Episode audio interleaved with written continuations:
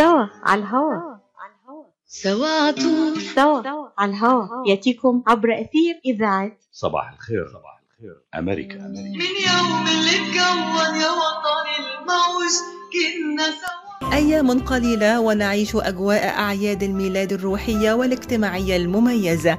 مناسبة هامة تنتظرها شعوب العالم أجمع بشغف ويتقاسم الفرح فيها المسيحيون والمسلمون معا. في الكنائس تدق الأجراس وتضاء الشموع وتستمتع الآذان بسماع الترانيم الروحية بألحانها العذبة وفي الشوارع والبيوت تنتشر أجواء الفرحة وتجتمع العائلات حول الموائد العامرة بالمحبة والسعادة. وفي كل عام تحمل لنا أعياد الميلاد العديد من الرسائل التي تجتمع حولها البشرية وتصلح لكل زمان ومكان. الإنسانية تجمعنا نحو المحبة والسلام. هذا هو شعار راديو صوت العرب من أمريكا هذا العام. هذا البرنامج يأتيكم برعاية إنه موسم الأعياد وقت خاص لاجتماع العائلة والأصدقاء لمشاركة الطعام اللذيذ والكلمة الطيبة لمنح الهدايا وإظهار الامتنان وحلول البركة في هذه الأيام. استمتع بكل لحظة وحافظ على استمرار احتفالات الأعياد من خلال تناول أحدث لقاحات كوفيد-19 ولقاح الإنفلونزا في نفس الوقت حيث يساعد تحديث اللقاح على تقليل مخاطر الإصابة بكوفيد-19 وتخفيف شدة الأعراض في حال الإصابة كما يوصي الأطباء بالحصول على لقاح الإنفلونزا في هذا الوقت من العام أيضا. احمي نفسك ومن حولك في موسم الأعياد واستمتع براحة البال. للعثور على مواقع تلقي اللقاح أو معرفة المزيد قم بزيارة michigan.gov كوفيد فاكسين رسالة من وزارة الصحة المجتمعية والخدمات الإنسانية في ميشيغان. رايحة المطعم عشتار فاطمة سلم علي يمكن الحلو جوعان. قلت لها يا حلوة خديني وبعشتار غديني. قلت لها يا حلوة خديني وبعشتار عشيني. قالت لي روح يا مسكيني عشتار the best انت أبوها رايحة المطعم عشتار عشتار مطعم أهل البيت والخطار. 3625 15 Mile Road في مدينة ستيرلينغ هايت. هاتف 586-698-2585 مركز طب رهاب للعلاج الطبيعي بإدارة الدكتور محمد فرح حسين أخصائي العلاج الطبيعي بخبرة أكثر من 13 عاما. طب رهاب يقدم خدمات العلاج الطبيعي وإعادة التأهيل ويضم مجموعة من أفضل أخصائي التشخيص الدقيق للحالات المرضية مع خبرة عالية في التعامل مع الحالات التي تحتاج إلى إعادة تأهيل وعناية خاصة بعد العمليات والكسور. طب رهاب يستقبل كل الحالات المتعلقة بألم الرقبة الظهر المفاصل شلل الوجه الانزلاق الغضروفي عرق النساء الحوادث وإصابات العمل. خبيرات في المعالجة النسائية لخصوصيات تامة للسيدات. عندما تبحثون عن رعاية متميزة اقصدوا توب ريهاب للعلاج الطبيعي الواقع على 15001 ميشيغان افنيو وللمواعيد اتصلوا على 313 846 0555 that's 846 0555 قشات Mediterranean Market بإدارة سهر قشات وأولاده يرحبون بالجالية العربية والكلدانية. جميع أنواع المواد الغذائية البان طازجة الكرزات والبهارات الطازجة. داخل الأسواق مطعم Mediterranean شيش كباب يقدم يوميا جميع أنواع الكباب. المقبلات العربية العراقية وصواني ال combo المميزة تفتح الأسواق من الثامنة إلى التاسعة مساء من الاثنين وحتى السبت ومن الثامنة صباحا إلى التاسعة مساء يوم الأحد. تقع الأسواق على 32839 Northwestern Highway في مدينة فارمينغتون هيلز لحوم حلال للجالية الإسلامية لطلباتكم من المطعم call 248-538-7855 that is 248-538-7855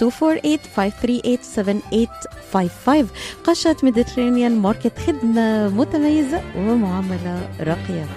مستمعينا اليوم حلقة خاصة نحتفل فيها معكم بأعياد الميلاد و semi drama على خطى السيد المسيح. رحلة العائلة المقدسة. فقد أدرجت منظمة اليونسكو الاحتفالات الشعبية المرتبطة برحلة العائلة المقدسة في مصر على قائمتها للتراث الثقافي غير المادي.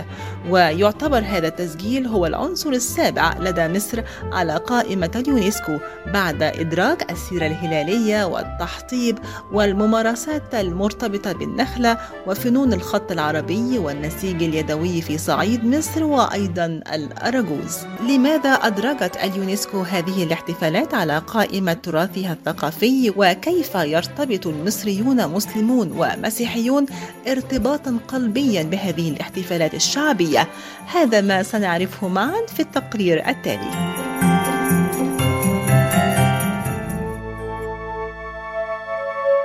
في الوقت الذي تنشط فيه الحكومة المصرية لإحياء مسار العائلة المقدسة التي أقرته الكنيسة القبطية الأرثوذكسية ويتضمن 25 نقطة لمسافة تمتد 3500 كيلومتر ذهابا وعودة من سيناء حتى أسيوط. وذلك بعد اعتماد بابا الفاتيكان مسار العائلة المقدسة لمصر ضمن الحج لملياري مسيحي على مستوى العالم. أعلن في نهاية نوفمبر بمدينة الرباط المغربية عن تسجيل رحلة العائلة المقدسة على القائمة التمثيلية للتراث الثقافي غير المادي للإنسانية في منظمة الأمم المتحدة للتربية والعلم والثقافة يونسكو. وذلك خلال اجتماع للجنة المعنية بالمنظمة لحفظ التراث الثقافي غير المادي في دورتها السابعة عشر بعد أن حشدت مصر تأييدا واسعا وصل إلى حد الإجماع.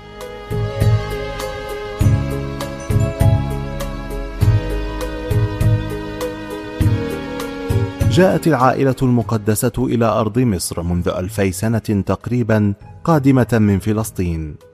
وفوق وديان مصر وعلى ضفاف نيلها استقبلت مصر في وقار وإجلال وترحاب أعظم زائر في تاريخها حيث وجدت العائلة المقدسة الأمان والحماية. وقد مرت العائلة المقدسة بحوالي أربعين مدينة ومنطقة تاريخية داخل خمس مناطق كبرى بأرض مصر. بدأت بمنطقة شمال سيناء ومرورا بمنطقة شرق ووسط الدلتا ثم وادي النطرون ومنطقة القاهرة الكبرى وانتهاء بمنطقة الصعيد ثم العودة إلى فلسطين من جديد.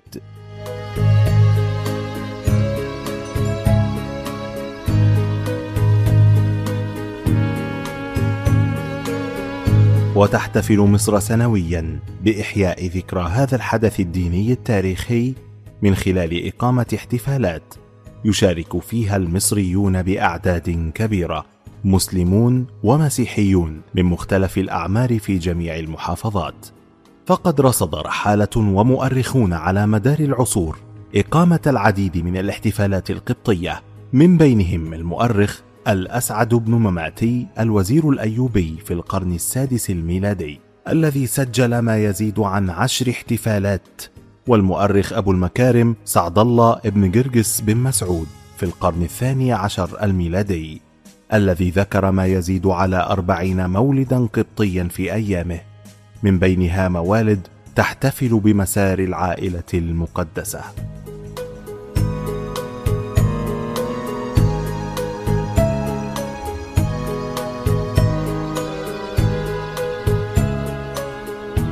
يقام الاحتفال الأول الذي يعرف باسم عيد مجيء العائلة المقدسة إلى مصر في الأول من شهر يونيو في أماكن زارتها العائلة المقدسة في مصر. أما الاحتفال الثاني يعرف باسم مولد العذراء وهي عدة احتفالات تمتد من شهري مايو وحتى أغسطس وتقام فيها الولائم والعديد من المظاهر الاحتفالية في شتى المدن المصرية. وهناك أيضا احتفالات لإحياء مغادرة العائلة المقدسة منطقة دير المحرق وعيد حلول العائلة المقدسة بمنطقة دير المحرق وعيد تكريس كنيسة العذراء بالمحمه بمنطقة مسترد وغيرها.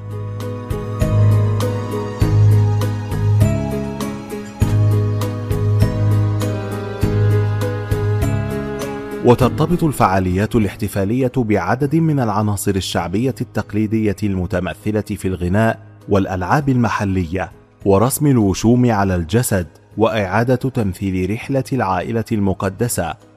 فضلا عن تنظيم مواكب دينية وعروض فنية.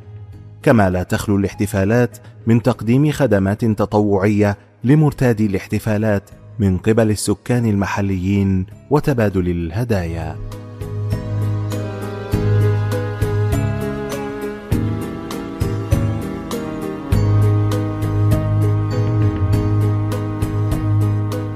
ألهمت الرحلة الموروث الشعبي المصري لكونها قصة تحمل دلالة خاصة جرت أحداثها في أرض وادي النيل.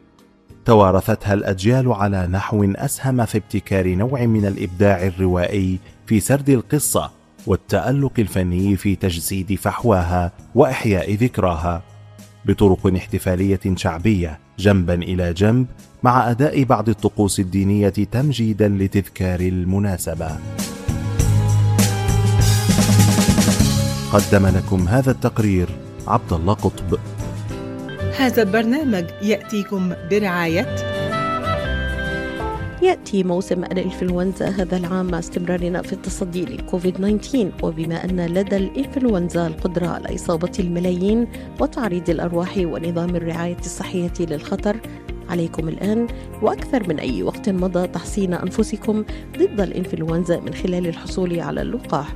ولقاح آمن وفعال ولن يصيبكم بالإنفلونزا. لتحموا أنفسكم ومن هم أكثر عرضة للخطر. احصلوا على لقاح الإنفلونزا لمعلومات أكثر. قوموا بزيارة موقع michigan.gov/flu رسالة من وزارة الصحة والخدمات الإنسانية في ميشيغان.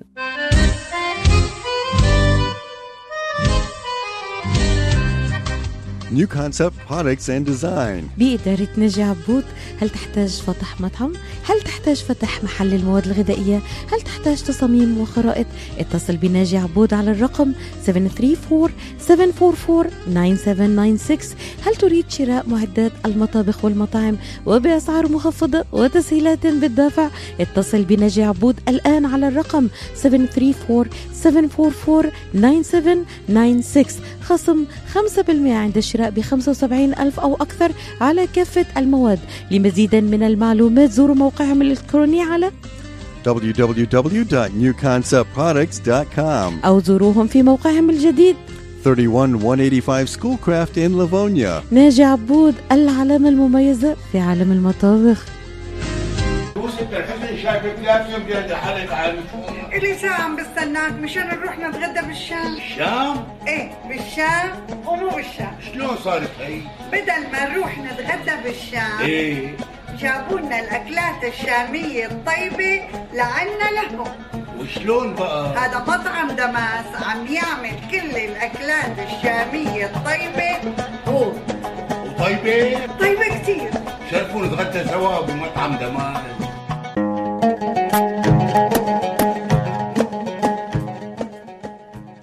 الأكل الشامي الأصيل فقط ب Damas Cuisine زوروهم على 28841 Orchard Lake بفارمينغتون هيلز. ولطلباتكم اتصلوا على 248 987 4609 That's 248 4609 Damas Cuisine and Catering جبنا لكم الشام لعندكم.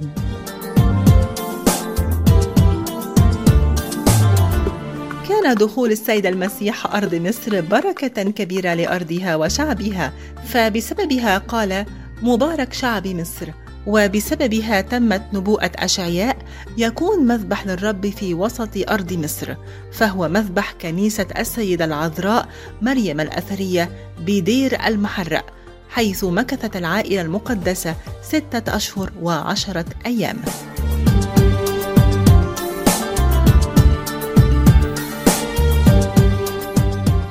دير المحرق هو المحطة الأخيرة في رحلة العائلة المقدسة إلى أرض مصر حسب التقليد القبطي المتوارث أيام في رحاب السيدة العذراء بدير المحرق الذي باركته العائلة المقدسة منذ ألفي عام.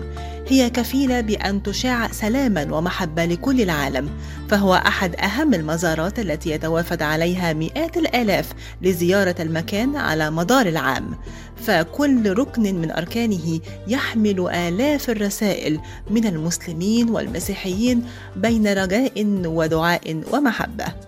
مزيد من التفاصيل حول هذا الدير وما يحمله من رسائل للمسيحيين والمسلمين يحدثنا القمص دميان المحرقي في هذا التقرير.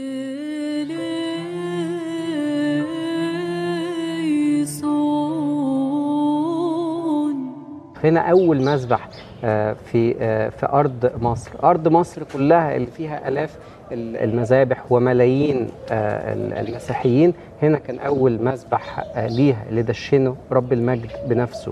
هنا ال- الجمال كله. هنا العائلة المقدسة عاشت ست شهور وخمس أيام. يعني يقال إن السيد المسيح له كل المجد نطق هنا كلمات القبطية واتكلم كده وهو طفل صغير وكان بيتمشى وكان بيستمتع كطفل في المكان اللي إحنا واقفين فيه ده. الحقيقة مكان عظيم جدا جدا ومهوب جدا جدا. يعني اللي من حضراتكم راح بيت لحم وكنيسة المهد هناك الملاك قال آه، ليوسف ال- النجار القديس العظيم قال له خد آه، العائلة المقدسة أو يعني روحوا إلى أرض مصر.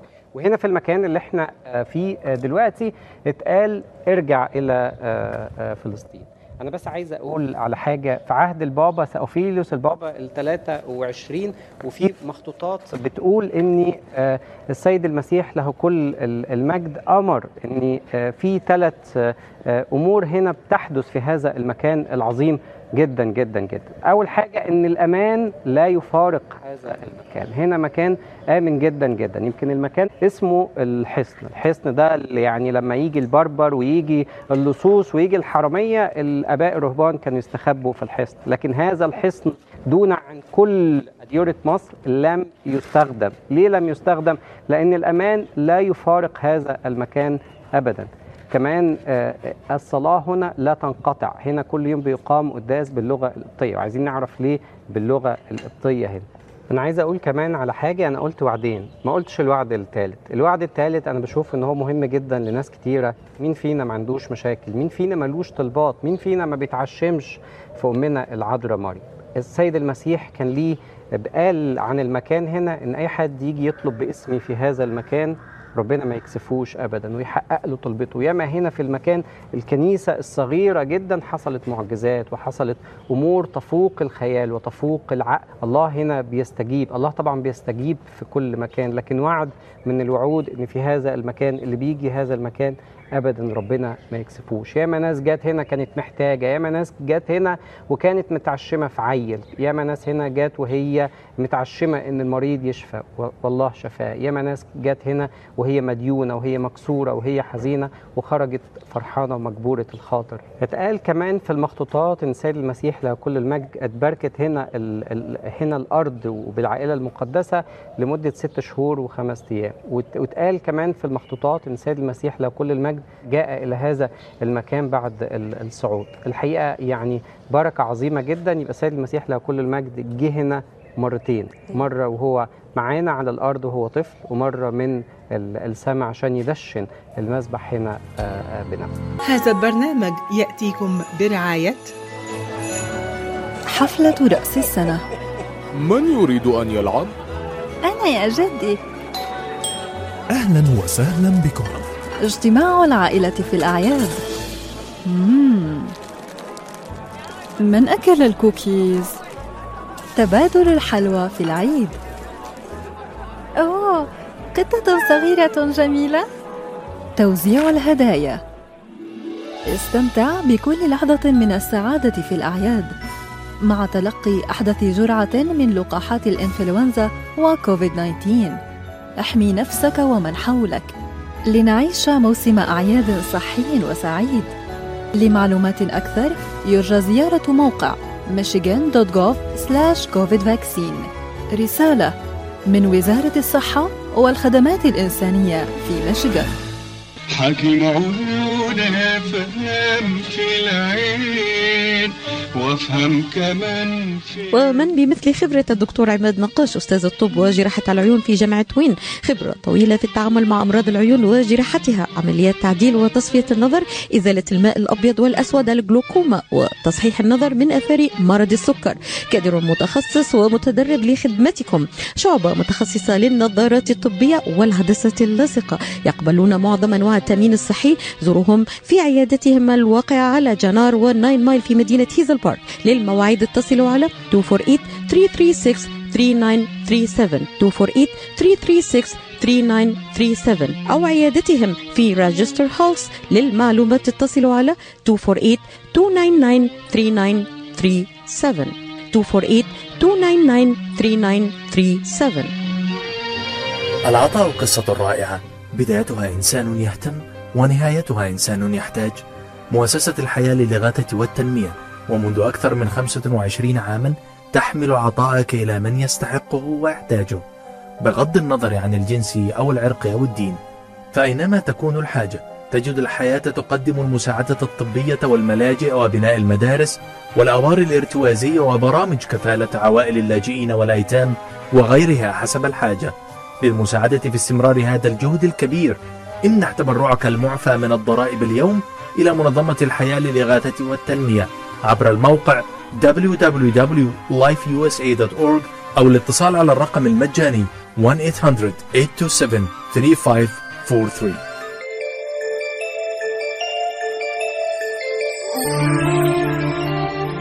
المحبة هي رسالة حياة تتجلى على أرض مصر منذ قديم الأزل. فقد جاءت العائلة المقدسة إلى مصر عندما خرج المسيح رضيعا مع أمه مريم والقديس يوسف النجار من بيت لحم بفلسطين إلى صحراء سيناء هربا من بطش هيرودس الملك الذي كان يقتل الأطفال خوفا من ظهور ملك ينتزع الملك منه. على خطى السيد المسيح رحلة العائلة المقدسة وأبطال الرحلة يوسف النجار ومريم العذراء والمسيح عليه السلام رضيعا. وبدأت بعد أن رأى يوسف النجار رؤية نصها كما تقول الأناجيل خذ الصبي وأمه واهرب إلى مصر وكن هناك حتى أقول لك لأن هيرودس مزمع أن يطلب الصبي ليهلكه. فقام النجار وانصرف إلى مصر. كتب الرحلة منير عتيبة وأخرجها إذاعيا دعاء حسنين. اشترك في التمثيل أحمد يحيى أشجان السيد شيرين ذكي ومحمد محفوظ. هذا البرنامج يأتيكم برعاية. أنف الإنسان قلما يخطئ فهو يستطيع كشف الأمور الجيدة والسيئة. لذلك يستطيع أنفك التمييز إن كان ذلك الاحتقان الذي تشعر به مجرد نزلة برد أو حساسية أو كوفيد 19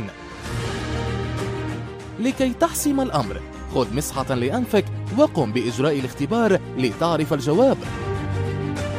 لأنه من الجيد أن تطمئن على نفسك.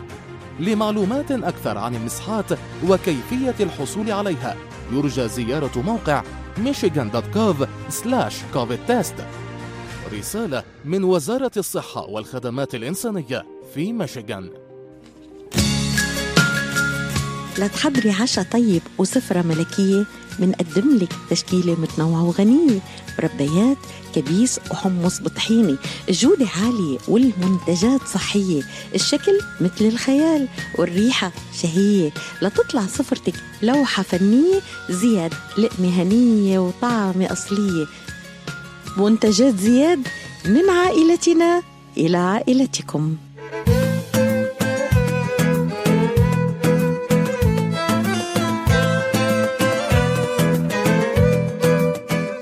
في دروب الحياة أماكن يطمئن إليها الحائرون. بين جموع البشر قلوب يأمن بها الخائفون. من الأرض المقدسة من فلسطين إلى كنانة الله في أرضه مصر أرض الوادي المقدس طوى وإلى جوار كوثر الله في أرضه نهر النيل يطوي المسيح رحلته وعلى خطى المسيح نسير في رحلة العائلة المقدسة أبتي أمي ماذا تريدين يا ملك؟ ماذا حدث؟ أريد أن أتحدث معكما أوه الساعة قاربت على الرابعة صباحا ملأت قلبي بالرعب يا ابنتي. ماذا جرى لك؟ أعلم أننا في الرابعة صباحا وأن الرعب أصابكما بسبب ندائي عليكما في هذا التوقيت. لكن ما باليد حيلة؟ لا أنا لا أفهمك يا ملك. تحدثي يا ابنتي. لا تلعبي بأعصابنا. يا أمي يا حبيبتي يا أبتي العزيز أنا لم أرى أي منكما منذ أيام ولم نجتمع معا منذ أسابيع ربما شهور. تعلمين مسؤولياتنا الكبيرة ومشاغلنا التي لا تنتهي. أعلم طبعا.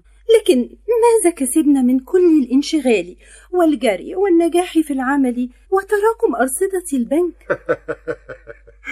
هذا كلام كبير يا ملك. نحن نحتاج إلى أن نكون معا يا أبتي وسنكون معا. استمع جيدا أيها المواطنون في بيتنا العامر. تحدثي يا زعيمة الزعماء؟ أيها المواطنون لقد جمعتكم اليوم لأنبهكم إلى أن أعياد الميلاد اقتربت. كل عام وأنتم بخير. عليكم أن تحصلوا على أجازات طويلة نسبيا من أعمالكم. لا يمكن. مستحيل. هذه تعليمات لا نقاش فيها. لماذا؟ لقد حجزت لنا تذاكر للسفر معا في واحدة من أهم رحلات التاريخ. رحلة؟ تاريخ. أية رحلة هذه؟ رحلة العائلة المقدسة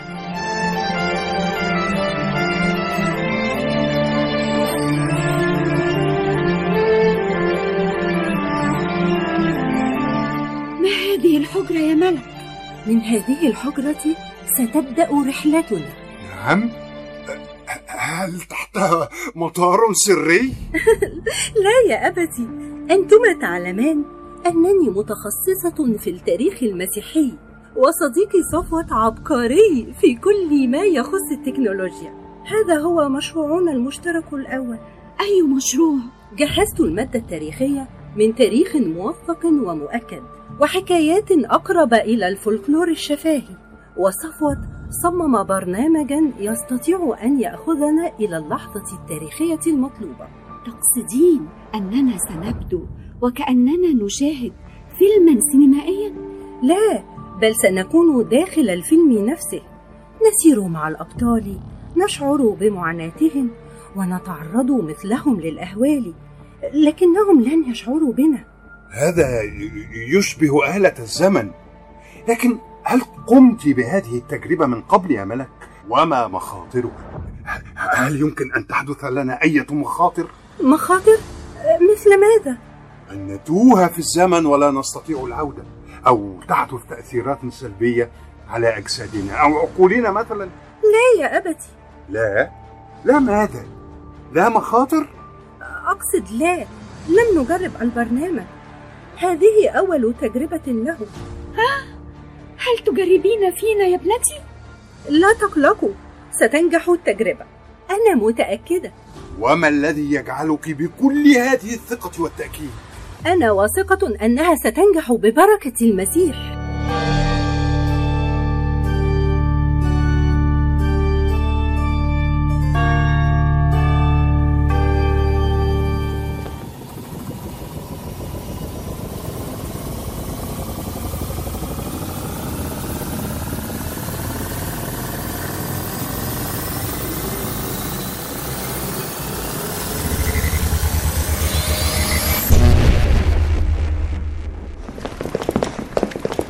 هؤلاء الملك؟ وأين نحن؟ هذا بلاط الملك هيرودوس وقد ألقى جنوده القبض على الغرباء المجوس الثلاثة من أنت؟ ولماذا جئت إلى بلادي؟ نحن نحن من بلاد المجوس قرأنا النجوم وعلمنا أن في بلادك الطفل الذي سيغير العالم أي طفل وأي عالم الذي سيغيره؟ ربما يولد في غذائه وربما ولد بالفعل منذ أرسل. لكن النجوم تقول إنه لم يتجاوز. هل هذا الطفل يهدد ملكي؟ يهدد ملك كل الطغاة. اسمت أيها الأبناء يا قائد الغن ليقتل كل طفل أصغر من عامين فقط المجنون سيقتل المسيح هيا بنا نحضر مريم. اطمئنوا لقد سبقنا الملاك. إنه سينادي الآن يوسف النجار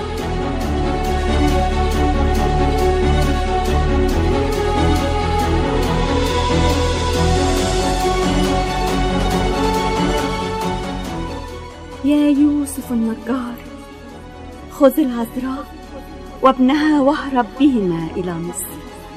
مبارك شعب مصر. ما هذا الصوت؟ أي حلم هذا؟ ولماذا أهرب؟ يا يوسف خذ العذراء وابنها واهرب بهما إلى مصر. مبارك شعب مصر. ليس حلما إذا إنه أمر إلهي. سمعتك أيها الملاك. سمعتك سمعتك.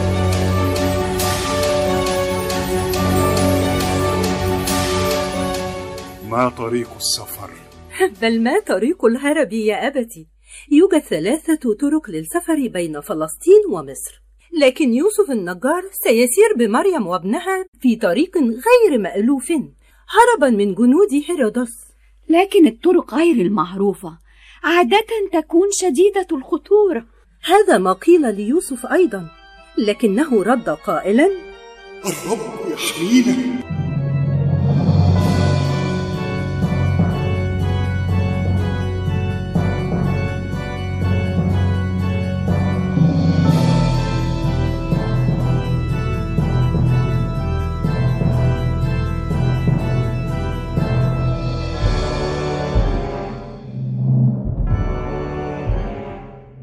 الطريق طويل وشاق الشمس الشمس شديدة الحرارة.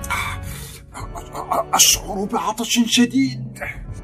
سنشرب قليلا من الماء لقد اقتربنا كثيرا. بعد بقية من ساعة سنكون في مصر. ما هذا المكان يا ملك؟ إنها مدينة رينكلورا القديمة واسمها حاليا العريش. آه ما أجمل هذه؟ ليت في فلسطين مثلها ألم يكن في فلسطين نخل يا ملك؟ تقول الحكاية إن السيدة العذراء أعجبت بالنخل فأشارت لنخلة وقالت لها انقلعي من هنا واذهبي إلى جبل الزيتون في فلسطين. فاستجابت النخلة وكانت أول نخلة تزرع في فلسطين ويقال إنه عندما تم استقبال المسيح يوم أحد الزعف كانوا يحملون أغصانا من هذه النخلة بالذات للترحيب به.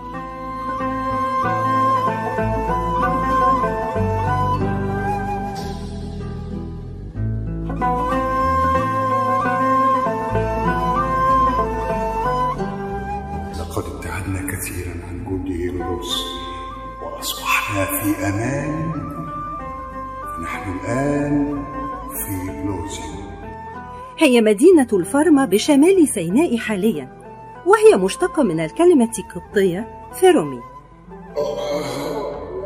من الراحة. الرحلة مجهدة جدا. فلنستظل بهذه الشجرة. أية شجرة التي يتحدث عنها؟ إنه مجرد جذع بلا أغصان ولا أوراق. تعالوا لنجلس معهم. فأنا أيضا تعبت وعندما تجلس مريم والمسيح تحت الشجرة ستعرفون ما قالته الحكاية آه. ماذا قالت الحكاية؟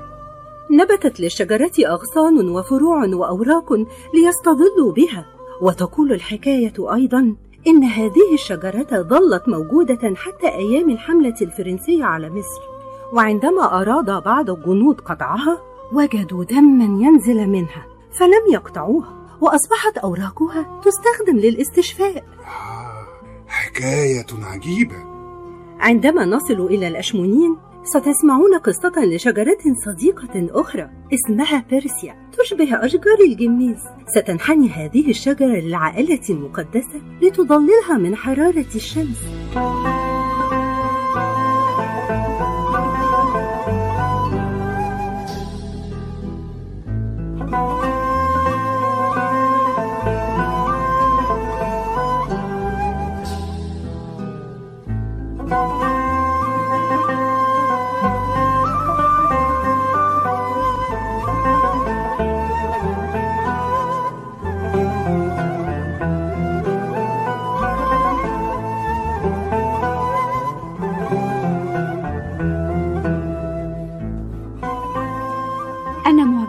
جدا بيوسف. إنه يسير طوال الوقت بجوار الحمار ولم يطلب من مريم أن تسير هي ويركب هو ليستريح ولو لمرة واحدة. لكن الطريق صعب. أثق أنه لولا عناية الله لهلك الجميع. من هؤلاء؟ إنهما اللصان. اقترب لتسمعا فلهما حكاية عجيبة. أعطونا كل ما تملكون وإلا قتلناكم لكننا لا نملك شيئا. بل تملكون هذا الحمار. الطعام والماء. وما عليكم من ملابس. سنترك لكم ما يستر عورتكم فقط. اترك لهم بعض الماء حتى لا يموتوا عطشا ألم تنظر إلى الرضيع؟ ألم تنظر إلى عينيه؟ هيا هيا. إلى أين؟ نعيد إليهم كل شيء. ونطلب من الرضيع المغفرة يا لك من طيب القلب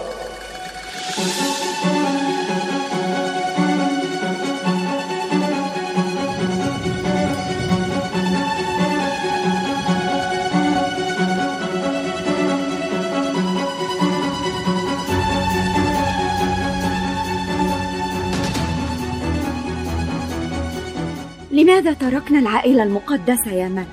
سنعود إليهم لكن لنتتبع اللصوص الآن توقف لا تأكل من هذا الطعام ولا تشرب من هذا الماء ماذا بك يا رب؟ لم تكن بهذه الرقة من قبل ألم تنظر إلى الرضيع؟ ألم تنظر إلى عينيه؟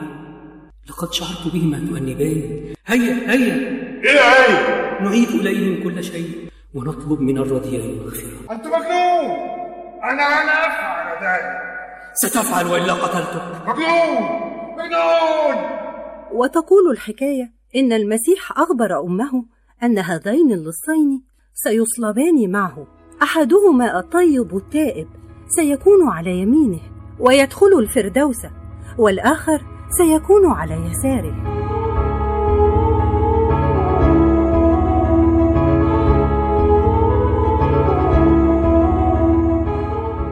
ها قد وصلنا هي تل بسطة بمحافظة الشرقية حاليا. لقد نفد منا الماء ولا يوجد ماء إذا لم يعثروا على ماء سيموتون جميعا. وربما متنا معهم أيضا. لا تخافوا تقول الحكاية. إن الرضيع رسم دائرة على الأرض بإصبعه فتفجر ينبوع ماء سأشرب بسرعة قبل أن أموت عطشا.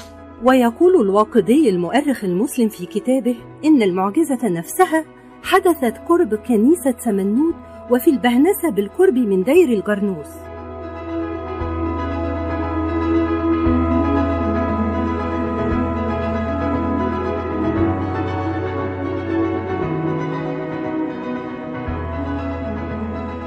الله ليس أجمل من أن نوجد في قارب على النيل فلتساعد يوسف في التجديف يا ماهر.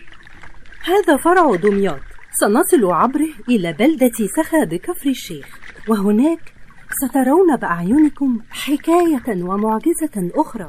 سيقف المسيح الطفل على صخرة لدقائق وينزل من عليها لكن آثار قدميه ستنطبع فيها. هذه الصخرة موجودة حاليا بكنيسة السيدة العذراء بسخا بمحافظة كفر الشيخ في صندوق زجاجي يطلق عليها كعب يسوع. وإلى أين سنذهب بعد سفر؟ الطريق سيكون مفتوحا أمامنا. صفيه لنا. سنعبر فرع رشيد إلى وادي النطرون. ثم ننتقل إلى قرية المطرية شرقي القاهرة حاليا ثم إلى حارة زويلة التي تضم ديرا من أقدم أديرة الراهبات التابعة للكنيسة القبطية الأرثوذكسية. ثم إلى بابليون. وهي منطقة مصر القديمة حاليا وأين ستعيش العائلة المقدسة؟ في كهف أعيد التعرف عليه بعد ذلك وأقيمت عليه كنيسة القديس سيرجيوس أبو سرجة في القرن الرابع الميلادي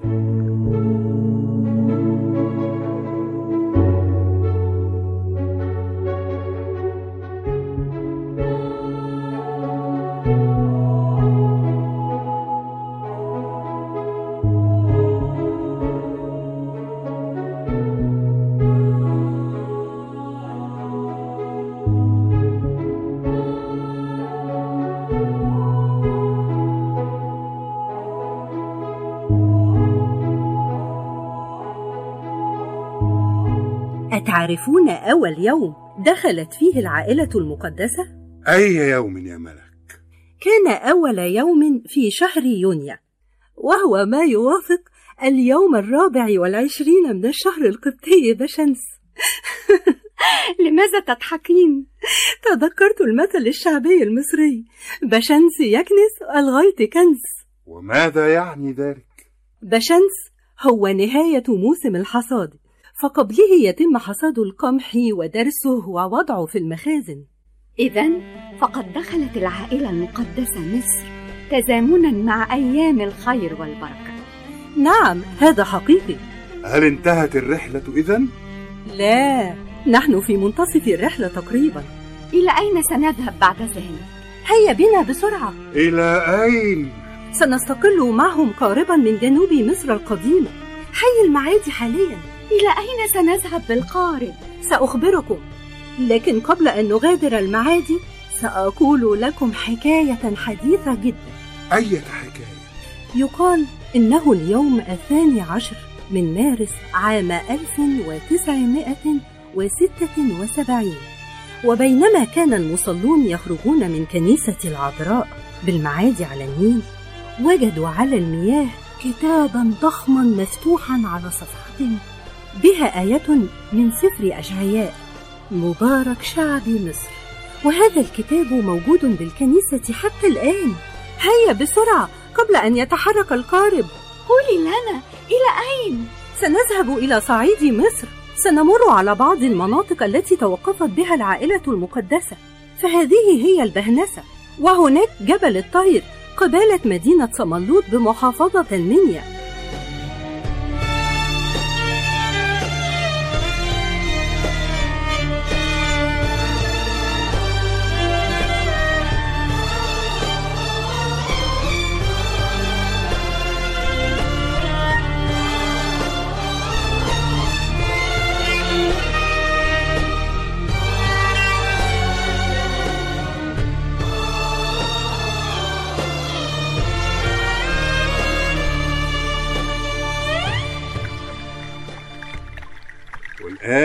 إلى أين وصلنا؟ هذه هي الأشمونين في ملوي وكان اسمها في العصر البطلمي هيروموبوليس استعدوا الآن لمشاهدة أحداث عجيبة واستعدوا أكثر للهرب أية عجائب وأي هرب؟ تقول الحكاية أنه كان على مدخل الأشمونين حصان من نحاس يتعبد له أهل المدينة بمجرد مرور العائلة المقدسة بجواره سقط الحصان على الأرض وسقطت كل أوثان المدينة. طبعا هذا لم يعجب أهل المدينة. طبعا وطردوا هؤلاء الغرباء وطردوهم حتى يبتعدوا عن مدينتهم. ولم تتوقف المطاردة على الأشمونيين فالحكاية تقول أن الأمر نفسه تكرر وهم يمرون قرب سخا وفي ميت رهينة. فكلما كانت الأوثان تسقط يطاردهم أهل المدينة ويطردوهم. وإلى أين ذهبوا؟ أكملوا طريقهم إلى محافظة أسيوط حاليا حيث مروا بديروت ثم القوصية حتى وصلوا إلى جبل قسطان. وقد شيد فيما بعد في هذا المكان دير العذراء مريم فوق أول مذبح حجري في المسيحية ويسمى دير المحرق. وهو المكان التي أقامت العائلة المقدسة فيه ما يزيد على ستة أشهر.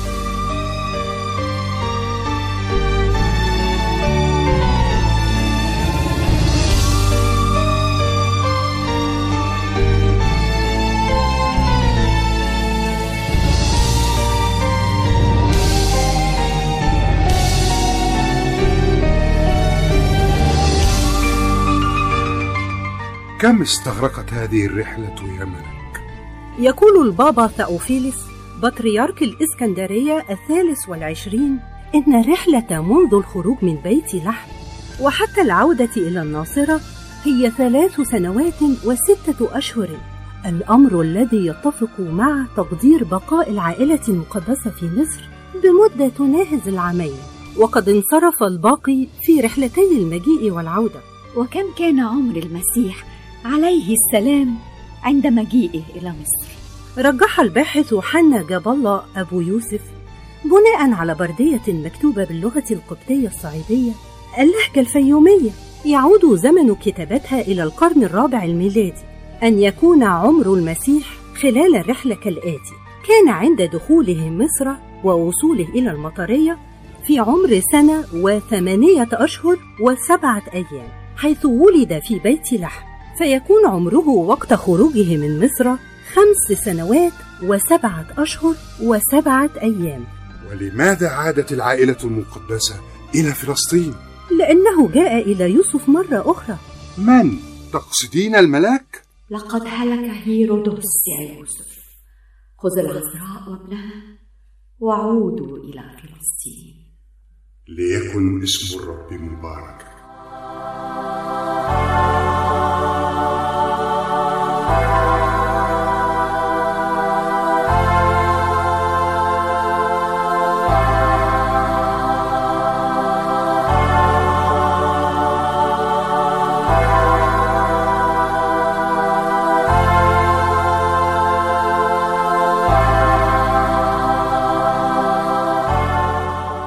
عادوا من نفس الطريق؟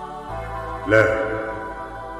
سنعود معهم من طريق المسافرين المعتاد. فقد هلك من كنا نخشى جنوده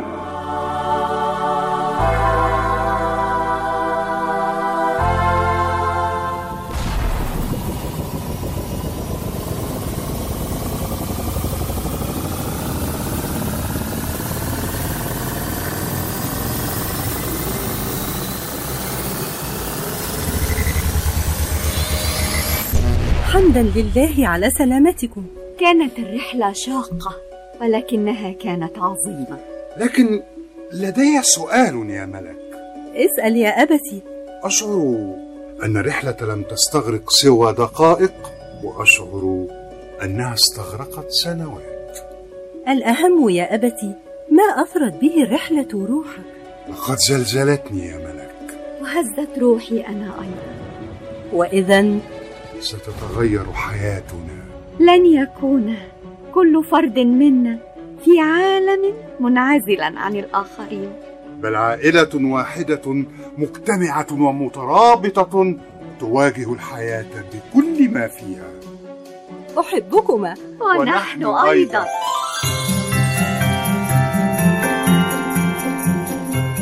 كل عام ونحن جميعا بخير.